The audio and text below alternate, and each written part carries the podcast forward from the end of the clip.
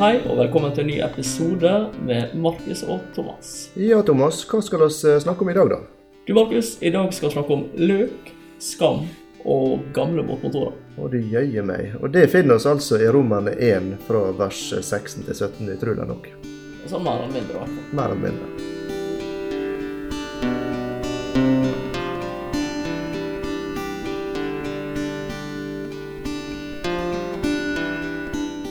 Begynner å bli vår, Markus.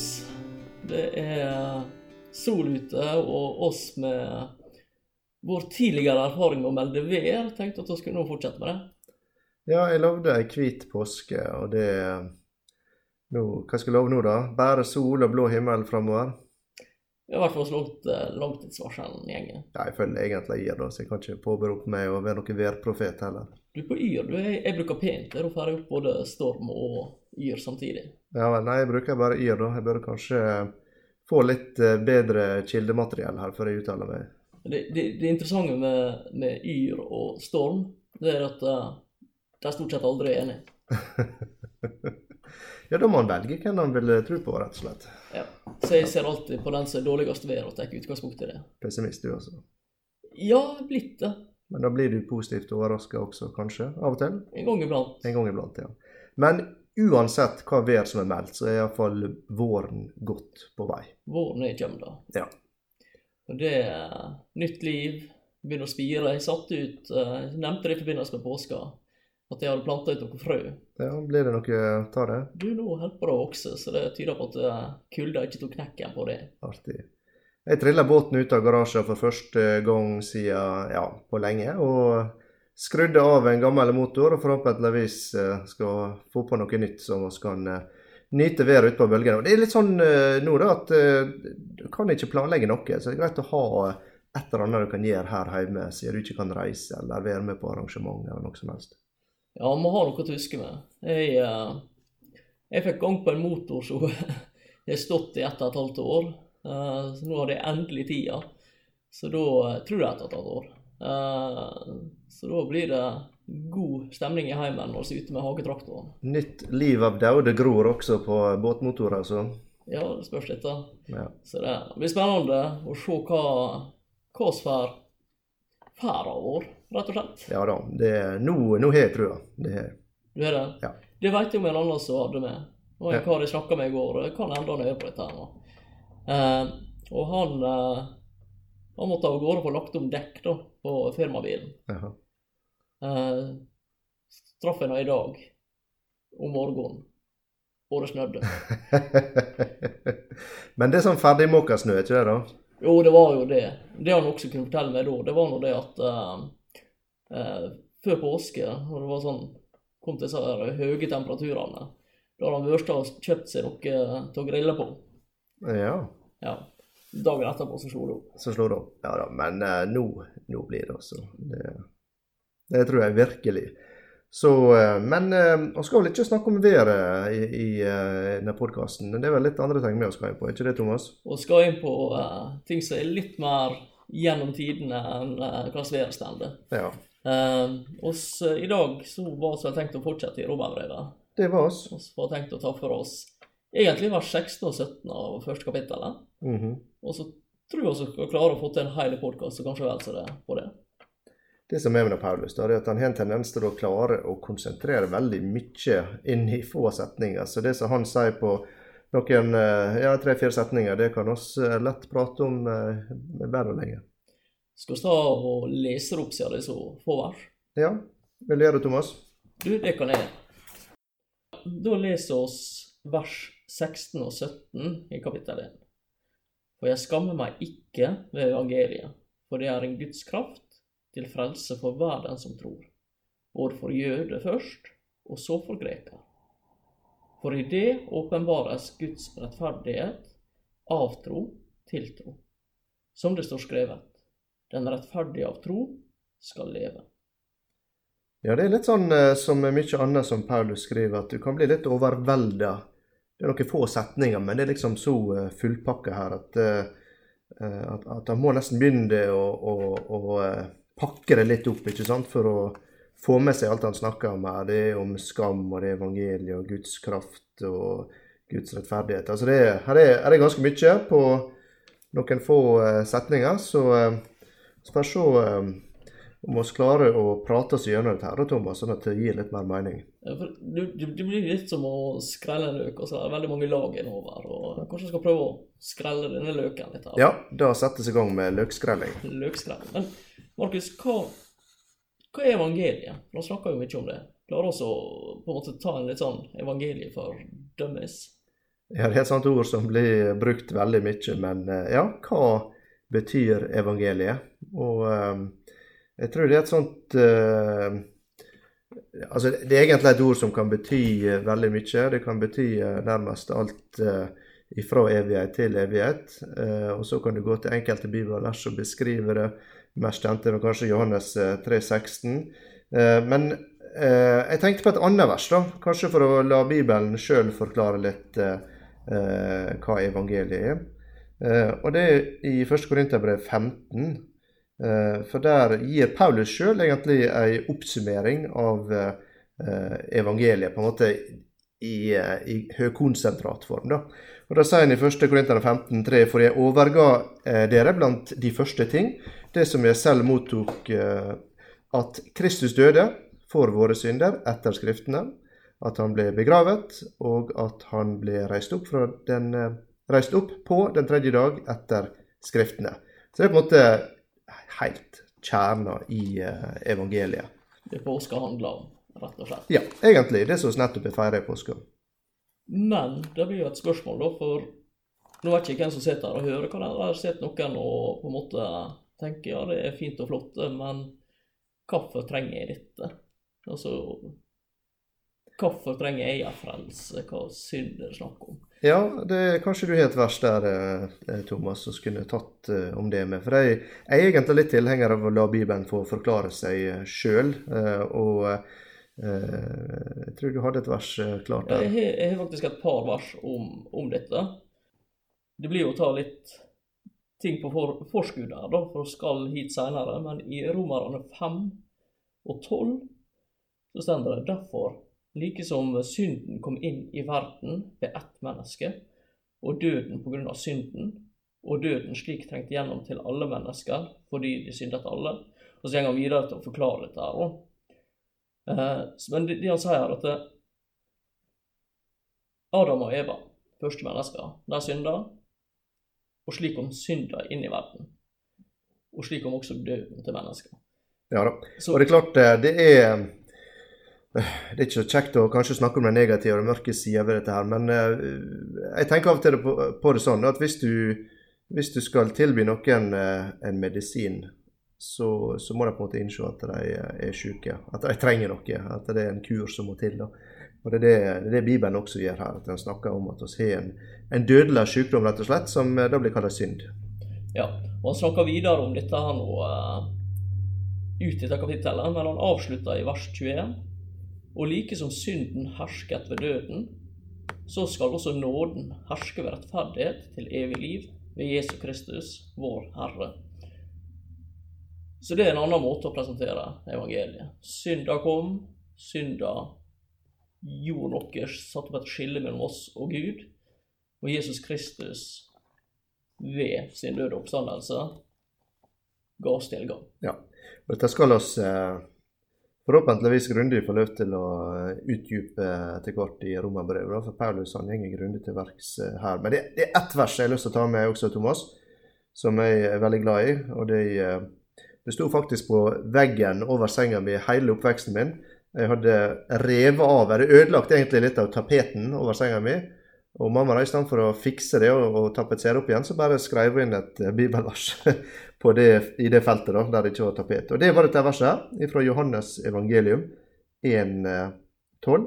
Men alle dem som tok imot ham, dem gav han rett til å bli Guds barn, de som tror på hans navn. Og det, det er altså Veien er vidåpen, eller døra er vidåpen i dag, og det handler bare om å ta imot Han. ikke sant? Det er ikke å ta imot eh, et, et, system av doktrine eller ta imot en religion, det er å ta imot en person. og Det er så utrolig viktig å huske. Det er den personlige relasjonen det er snakk om her. Og da, da, hvis vi beveger oss tilbake til, eh, til kapittel 1 og vers 16 og 17, så har vi på en måte definert litt hva evangeliet Og det må jo på sett og vis være første lag av løken. Men så er det å begynne å pakke opp alt dette her. Hvor vil oss videre da, Markus? Ja, eh, her er egentlig en god del å ta tak i. Og kan egentlig si at han er inne i en slags eh, prosess ifra eller argumentasjon, argumentasjonen, hvis en vil kalle det, fra vers 14, da, der han snakker om si holdning til det å dele det gode budskapet, evangeliet. I vers 14 der snakker han om at han står gjeld, og så i vers 15 at han er redende klar, og så nå sier han det at han skammer seg heller ikke. Eh, og det skam er ikke kanskje en følelse å snakke så veldig ofte om, da, men han tar det altså fram eh, ganske tidlig i romerbrevet her, når han snakker om evangeliet. Eh, det er noe som han har kommet over sjøl. Eh, kanskje noe som han sleit med, jeg vet ikke. Eh, men det er iallfall veldig vanlig å, å, eh, å, slite med det å Eller å slite Ja, at du syns det er litt vanskelig å dele trua di med andre. Det, det tror jeg faktisk alle har kjent på. Og det er ikke så veldig rart. Altså, han sier jo det sjøl i 1. Korinterbrev 1,18 at uh, evangeliet er en dårskap for de som går fortapt. Og dermed så blir Jeg skammer meg ikke over evangeliet. Det kan jeg si rent personlig. Men jeg, i møte med andre mennesker, er kanskje ikke en frimodighet jeg burde ha, fordi jeg vet at dette er noe som høres helt rivruskende hakkegale ut for de som går fortapt. Ja, da, og Bibelen snakker om det, at det, eh, at det blir på en måte ikke Det blir sett på som en dårskap. Og det du kanskje av og til hører, det er at dette er for, det, det er for lettvint løsning. ikke sant? Bare å tro. Og, og eh, ja, hvorfor skulle liksom en person for 2000 år siden som døde, hvorfor skulle det hjelpe meg i dag? Og, så det, det, er mange ting der som du kan møte som motargument, eh, eller som, som holdninger eh, hvis han begynner å snakke om evangeliet. Da. Men eh, Paulus hadde tydeligvis kommet over dette. Og eh, hvorfor eh, Det er litt spekulering, men hvorfor hadde han eh, kommet over det? Så hvorfor hadde han kommet til et punkt der han ikke skammer seg over evangeliet eh, når han var i møte med andre? Og snakka forrige gang om at han han var i møte med folk fra alle samfunnslag. Så det var alt fra de øverste eh, filosofene Eh, og, og, de mest lærde mennesker i verden, bl.a. i Athena var der, eh, til eh, folk i, i, i, lavere samfunnslag. Så samme hva han møtte på, så var han klar til å dele evangeliet. Og hvorfor var han det? Nei, det, det kan si, det er for at det er blitt så viktig for meg. Det er i hvert fall det jeg vil påstå. At, og det sier han sjøl med. Han sier jo det at det er ikke jeg som lever lenger, men Jesus som lever, gjør han. Mm. Og, og måten han gjenger fram fra å første reisende, sant, så kommer han da han treffer på Lydia, som eh, om hun starta huskirke eller hva hun gjør. Det er det visst litt uenighet om, men ja. Poenget er da går han til elva, der er kvinner og ber. Der er det kvinnene til først. Og så plutselig er han i Aten, og så er han i Roma. og så han, han, han jobber seg gjennom det. og jeg tror det handler om at han hadde sett at dette har så enormt stor verdi at mm. alt annet er uvesentlig. Hva folk tenker om meg, det er uvesentlig. Det er dette skal fram. Og Det er jo derfor han også gjør en god del grep langs med, bare sånn for at han ikke skal kunne være til anstøt. F.eks. det at han tar fra seg sjøl, kaller det privilegiet det er at um, ja, oss, oss, som forsamling oss som menighet skal sende ut folk, skal, skal forsørge dem. Men han velger å være teltmaker. Det er jo ikke fordi at det er noe feil i at misjonærer har støtte. At alle burde jobbe der de er. Det er ikke det det går i.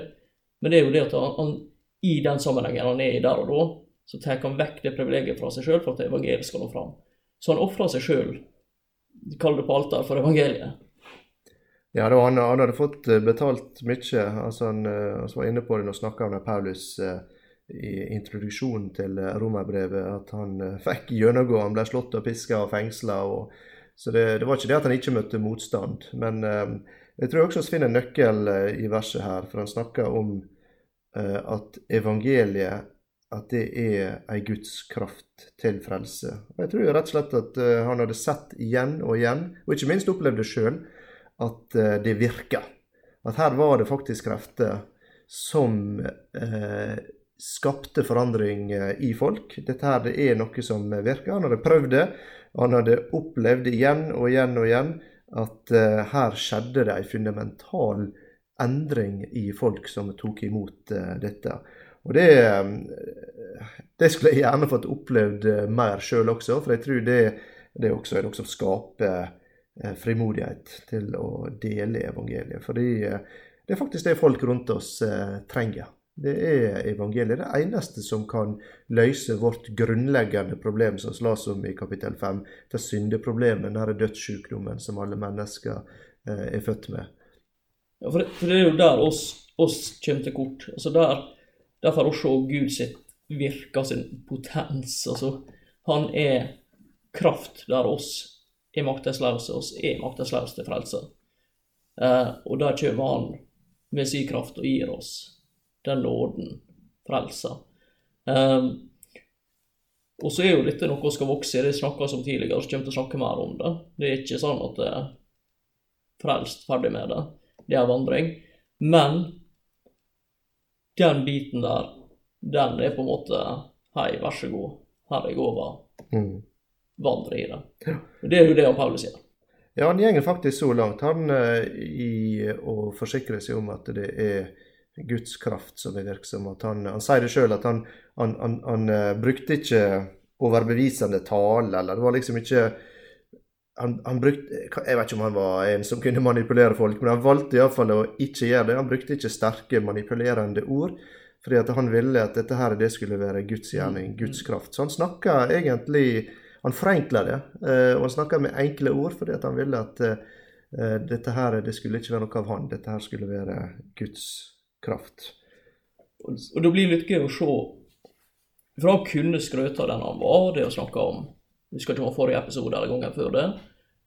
Og han kunne ha vært brydd over den han hadde blitt. Altså fengsla og slått og piska og mm. alt dette her nå.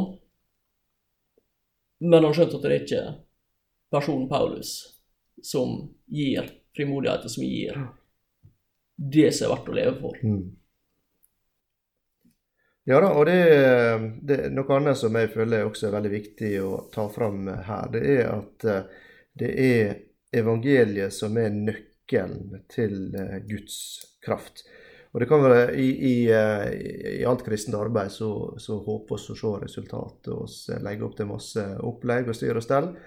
Men eh, evangeliet er det som utløser Guds kraft. Altså når du har evangeliet som møter tru eh, i et menneske, altså blir møtt av tru, da løser det ut eh, Guds kraft. Og Det er veldig, veldig spennende. Det er veldig viktig for oss som kristne å huske det, at det er ikke noe som kan erstatte evangeliet. Vi må ikke vatne det ut, og vi må ikke på en måte prøve å gjøre det til noe annet enn det det er, for da taper det sin kraft. Så Det, det føler jeg også er et veldig viktig poeng å ta fram her.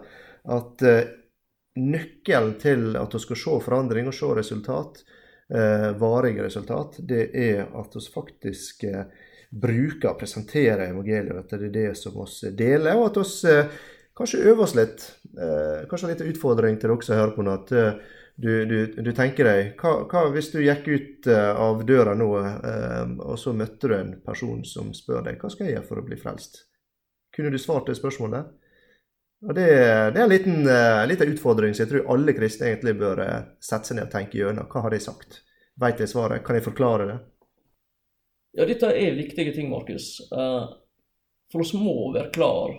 Det stemmer jo det, nå har ikke bibelplassen i hodet, men det stemmer at det skal være tide i, nei, rede i tide og utide.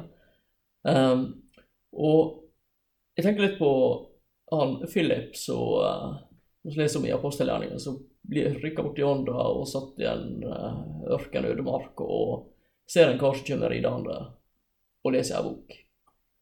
Og så er det Gamle testamentet. da. Og så ender jo dette med at han fikk jo litt tid med det. Altså det var ikke, jeg tror ikke det var i fem minutter. Han fikk forklarende Gamle testamentet, og så fikk han forklarende evangeliet. Men jeg syns det er fint det han sier til han når Når den etiopiske hoffmannen spør hva skal til for at eh, jeg skal bli frelst, eller skal bli døpt. Og Da sier han det at ja, tror du har hele ditt? Og så sier den etiopiske hoffmannen jeg tror. Og jeg tror det er noe med å gjøre ting enkelt og være klar over at ok, hvis noen faktisk spør, hvis noen utfordrer meg på ja, hva skal til for at jeg skal få frelse, så må jeg ha disse her eh, nøkkelordene med meg. Altså hvis du i ditt hjerte tror, med din tunge bekjenner. Disse her må ligge i frontallappen, så jeg kan se klar i tide og ut tide. For det kan skje. Det kan skje på butikken, det kan skje langs veien. altså Hvem veit? Ja, jeg håper virkelig at uh, både du som hører på, og oss som sitter her, får oppleve mer av uh, det som Paulus snakker om her, og får se uh, at evangeliet er Guds kraft til frelse for hver den som, som, tror. For det er ikke noe som er, er, er mer oppmuntrende, mer spennende og trosstyrkende enn å faktisk se at dette her, det, det virker. Så det, det vil jeg oppfordre til. og og jeg tenker at vi kan prøve som kristne med å oppmuntre hverandre og eh, ja, kanskje be for hverandre med. Be om at vi får muligheter til å, å, teste dette her ut og prøve det ut. Eh, så det, det Ja, det håper jeg virkelig. Og ikke minst for min egen del. Fordi eh, ja, jeg føler jeg har en, en, en, ganske lang vei å gå enda der også. Ja, det er en ting å sitte her og snakke ut i lufta og risikere at det er mange som hører på. Det er også en annen ting å stå i forsamlinger og si noe der du er med de som tror. I hvert fall flertallet av de ser det. Ja. Noe annet er å møte folk på settinger der vi ikke vant med det, og så plutselig skulle stå for dette her nå. Og det, det håper jeg at vi kan både gjennom ja, gjennom det å ta til oss av Guds ord, men også gjennom det å i fellesskap løfte hverandre fram i Guds ord. Utruste hverandre til å være i stand til. Mm. Ja, så, så, her, altså sett nå at det er snakk om eh, evangeliet, og snakk om at det er Guds kraft. altså Det er krefter innebygd i altså Det er et levende ord. Mm. Eh, til frelse. Eh, det er ikke bare kraft til hva som helst, men det er frelse. Og det er det det er det største som kan skje i et menneske sitt liv, dette med frelse. For det, og det har vi vært inne på. Eh, og, og, så er nøkkelen en, en, enda en nøkkel her, det er dette med, med tru. Uh, så, så, det er altså ikke uh, av oss sjøl. Det er noe Ja, som må rett og slett ydmykt innse at vi ikke klarer det sjøl. Vi klarer ikke det med, med egne krefter. Og vi må tro at eh, evangeliet er det som, eh, som eh, må til. Og, og, dette prinsippet her med rettferdiggjørelse ved tro, det er et fantastisk prinsipp. Og Paulus han prøver liksom å, å, å banke det inn i hodene våre eh, i løpet av dette her eh, brevet. Eh, og i jeg kan ikke gå for mye fram her, men jeg har lyst en liten tur innom kapittel fire. For her så eh, kan vi se at Paulus bruker Abraham fra Det gamle testamentet som en illustrasjon på dette her prinsippet. Og Det er kanskje litt overraskende at Paulus når han skal snakke om rettferdiggjørelse ved tro, at han går til Det gamle testamentet. Jeg tenker litt sånn, ja Da hadde de loven og tabernakel og tempel. ikke sant? Og, og, og, dette med tro og frelse og sånn, og nåde, det er noe i Det nye testamentet. Men når Paulus han skal eh, forklare og illustrere dette prinsippet, så bruker han eh, Abraham fra Det gamle testamentet. Og Egentlig så forklarer han det veldig eh, godt i kapittel 4 og i vers 21 og 22. For dette prinsippet det har det vært det samme helt fra Det gamle testamentet og fra skapelsen og gjennom fram til nå. Rettferdiggjørelse ved tru, det har vært Guds vei hele tida. Så i Abrahams liv så fikk han et eh, løfte fra Gud. Uh, og de som kjenner historien, vet at både Abraham og Sara hadde blitt veldig gamle. De hadde fått et løfte om at de skulle få en sønn, en etterkommer, og dette var menneskelig sett helt umulig. Men så stender det da i vers 21 der, i kapittel 4 at Abraham han var full viss på det Gud hadde lovt, og det var han òg mektig til å gjøre. Derfor ble det også regnet han til rettferdighet. Så det er ganske eh, enkelt at Guds ord, eh, Guds løfte, det blir møtt av tru. Det vil si, han trodde det Gud sa var sant, og han trodde at Gud var i stand til å gjøre det. Eh, så han trodde altså både på Guds ord og Guds kraft. Han sier det du sier, Gud, det er sant, eh, og jeg tror du er sterk nok til å gjennomføre dette. her, Og dermed ble han regna som rettferdig. Så fokuset er på Gud, hans ord, hans krefter, eller hans evne. Eh, Og det eneste oss står igjen med, det er å tro det. Og Sånn er det med frelse også. Det er Gud som sier det, det er Gud som har gjort det. Det er, det er Guds kraft dette her skjer, som vi ser i, eh, i eh, verset vårt her i eh, kapittel 1. Eh, og da er det det som står igjen for oss, det egentlig bare å si at eh, ja, Gud, dette her er sant, jeg tror at du er mektig til å gjennomføre dette her. Og dermed så er ikke det eh, avhengig av våre krefter i det hele tatt. Det eneste det er avhengig av fra vår side, det er en respons. Si det at eh, yes, dette her, det tror jeg på. Så det er et resultat av ei rettferdig handling fra Gud.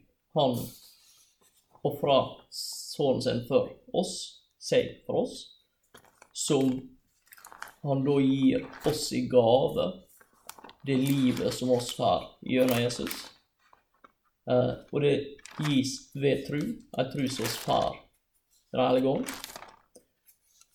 Og dermed så kan du si at ja, i utgangspunktet så er ikke mennesket rettferdig. Mennesket er syndig av natur. Men mennesket får tilgang til rettferdighet, altså Gud har og er. For Gud er rettferdig, men det er samtidig en aktiv del av Gud. Rettferdighet. Det er, det er noe han utøver hele tida. Uh, og en rettferdig Gud i møte med det urettferdige, det er ikke helt sammen. Nei, det er ikke det.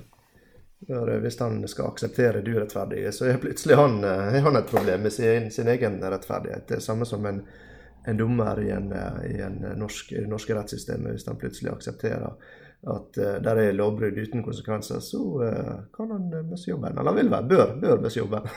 Da nytter det ikke å si at ja, men jeg, jeg anser meg som rettferdig. Nei. Og, og det, blir litt sånn, altså det blir som å ta to magneter og så sette polene mot hverandre. Nordpol mot Nordpol og tro det skal gå bra. Det, de vil aldri kunne Neida. møtes, fordi det er ikke Det harmonerer ikke. Nei. Det er et vers til jeg hadde litt lyst til å ta med, Thomas, fra andre Nei, første Paulus, Det er Paulus igjen, da, men han skrev også til eh, de kristne i Tessalonika. Så det er et brev, det første brevet til eh, tessalonikerne, og kapittel 2 der. Eh, Og det belyser egentlig litt det samme prinsippet da, i eh, vers 13. Eh, For der eh, sier han til disse her kristne i Tessalonika da, da dere fikk det ordet som vi forkynte, tok dere imot det ikke som et menneskeord, men som det det i sannhet er, som Guds ord, som virker med kraft i dere som tror. Ikke sant? Så du ser samme prinsippet her. De tok imot dette her som noe mer enn noe fra mennesker. De så at dette her er fra Gud. Dette er det Gud som sier. Eh, og de kom til konklusjonen at dette her er sant. Altså de trodde på det, og da ble krafta i det utløst i dem. Og det, det er et prinsipp som er ekstremt viktig, og vi kommer til å repetere det en del ganger når vi prater oss gjennom romerbrevet. Eh, men eh, Paulus han klarer ikke liksom å, å holde igjen sjøl her i første kapittel. Han kommer inn på det, så ser vel løp til å gjøre det litt eh, oss med, sjøl om det kommer igjen litt mer eh, begrunna eller utdypa seinere. Og, og jeg tror det er litt viktig å legge eh, på en måte grunnsteinene i det å snakke om videre med. Og selv om det kan oppfattes som repetisjon, så Ja, det er for så vidt repetisjon. Men hva lærer oss av skolen? Ja. Repetisjon. er repetisjon. Og dette er sånne ting som er veldig viktig å repetere, fordi at eh, egentlig så er alle religiøse system, og egentlig eh, verden rundt oss eh, også, sier det at gjør dette, så blir du belønna. Ikke gjør dette, så vil du ikke bli straffa. Alt er på en måte handler om belønning eller straff for ting du gjør. Og religioner handler om det samme, men her ser vi et annet prinsipp. Her er det mulig å bli erklært som rettferdig basert på tru. Og det, det er vi helt avhengig av, fordi det er ikke noen annen vei til rettferdighet for oss som mennesker. Og så vet jeg at rettferdighet er nøkkelen for eh, å gjenopprette vennskapet med Gud, og eh, egentlig nøkkelen inn til hans rike, inn til himmelriket. Og dermed blir det Jesus, bare Jesus. Ja, og det er fokus til Paulus, det er fokuset vårt. Ja. Og det er noe jeg håper er fokus til hver enkelt der ute. For hvis det er fokuset vårt, hvis det er det vi lever for, hvis det ikke er sånn at vi måtte sette et spørsmålstegn bak 'jeg gir alt til deg', som vi var inne på siste episode, men du faktisk gir alt til Jesus fordi han er alt, ja, da er vi ganske godt rusta til å møte verden, vil jeg påstå. Ja, jeg tror det er veldig viktig å bli kjent med Jesus som person og, og se hvordan han er, og, og, og hva han har gjort for oss, og, og, og, skjønne på en måte prinsippene i evangeliet. Eh, for da er det eh, Det, er hører nå litt til påskeevangeliet, da, men disse her eh, karene som var på vei eh, opp til Emmaus, når de fikk et møte med Jesus og fikk på en måte en forståelse av hva eh, han hadde gjort, så sprang de hele veien tilbake til eh, Jerusalem. Altså det var ikke, det var ikke sånn at jeg måtte på motivasjonskurs eh, for å på en måte få i gang føttene. Det var på en måte en, eh, så stort for dem at eh, selv om de har gått hele dagen, og det var blitt kveld, så, så var de i fyr og flamme. Og det, det tror jeg gjelder for oss som er kristne, i forhold til inspirasjon og motivasjon til tjeneste, det å bli kjent med Han, men også i forhold til de som lurer på dette her med tru og tvil og evangeliet og kristendom og hva det handler om. at eh, Se litt på Jesus, se litt på hvem han er, så tenker jeg at du skal bli begeistra. Det tror jeg så absolutt. Jeg har lyst til å ta med litt sånn annen vinkling enn dette her, sånn, nå før oss avrunder. Og det er det at det, det er lov å feile, folkens. Altså, ja, snakke om å gå i tru, og snakker om å ha fokus på Jesus, og snakker om å nå andre. Dette her er noe som oss ønsker, som vil, noe vi brenner for.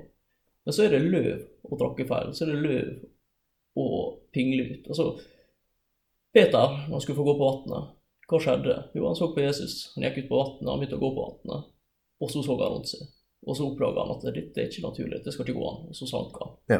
Jesus strakk ut handa og hjalp han. Ja. Uh, og jeg tror det er viktig. Jeg tror det er- må kunne gå an å ta en litt sånn Jeg tror, jeg tror, jeg tror jeg snur. Ja. Eh, og, og så ikke bli knøkka av det, men faktisk neste gang kanskje våge å ta ekstra steg. Se litt ekstra på Jesus. Gud han er sjokkerende tålmodig eh, med oss. Og Peter er egentlig et godt eksempel, og det viser litt av det som jeg er så veldig glad, med, eh, glad for når det gjelder Bibelen, at den er veldig ærlig i sin framstilling av eh, personer. Eh, og så er det fantastiske handlinga ikke sant, som eh, også er i tilknytning til påskeevangeliet, der Jesus eh, vasker føttene til eh, disiplene. Og så eh, var det faktisk med nyvaska føtter at Peter benekta eh, Jesus tre ganger, bare kort tid etterpå. ikke sant?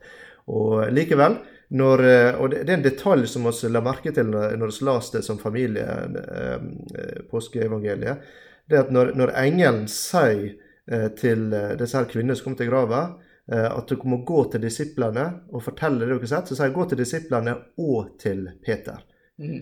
Og det, det, Peter trengte dette ekstra mye, og senere får han også da anledning til å ha et oppgjør. Så det, og dette er, dette er noe av det fantastiske med evangeliet og med den personen som Jesus er, at han, han viser oss omtanke. Og når oss eh, detter på nesen, så eh, er han der for å løfte oss opp igjen. Igjen og igjen og igjen og igjen. Tror vi må avrunde, Markus. Det er en god måte å avrunde på.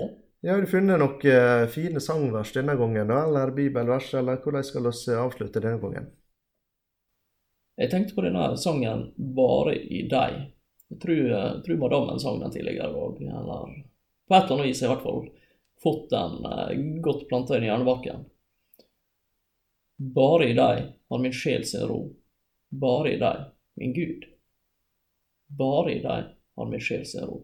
Bare i deg, min Gud. Fra Herren kommer mitt håp. Bare Han er min klippe, min frelse og min borg. Jeg skal ikke vakle. Bare i deg har min sjel sin ro. Bare i deg, min Gud. Bare i deg har min sjel sin ro. Bare i deg, min Gud. Ja, veldig fin sang, eh, Thomas. Tusen takk for at du deler den med oss. Og så eh, blir det noe spennende i fortsettelsen her, nå for nå skal vi plutselig stupe inn i et uh, mørke som er verre enn januarnatta her i Norge. Ja, der er det mørkt. Virkelig mørkt. Ja. Og det blir noen noen arenaer. jeg vet ikke hva som løser dette, her, men det blir litt ystre episoder framover, tror jeg. Det blir det, men eh, det handler litt om det at uh, hvis du virkelig skal se hvor gode nyheter evangeliet er, så må du også forstå litt av det mørke bakteppet som, eh, som ligger bak. Ja, men da avslutter oss for i dag. Takk til dere som hører på. Hvis det er noe du tenker på i forhold til det vi har sagt, hvis det er noe respons å gi oss, så er det bare å ta kontakt. Eh, og så håper vi at du vil fortsette å følge oss. Og hvis det er noen der ute som lurer på dette med frelse, så ber oss dere spesielt om å ta kontakt og se og finne på Messenger og gule sider. Det er i hvert fall ikke jeg. eh. Nei da, men også hvis han sender en, kanskje han sender melding til den BDU-sida også på Facebook f.eks. Det er også mulig. Ja. Så her, her er godt med muligheter. Oss hører til på Vigra Vedhus. Velkommen når korona er over.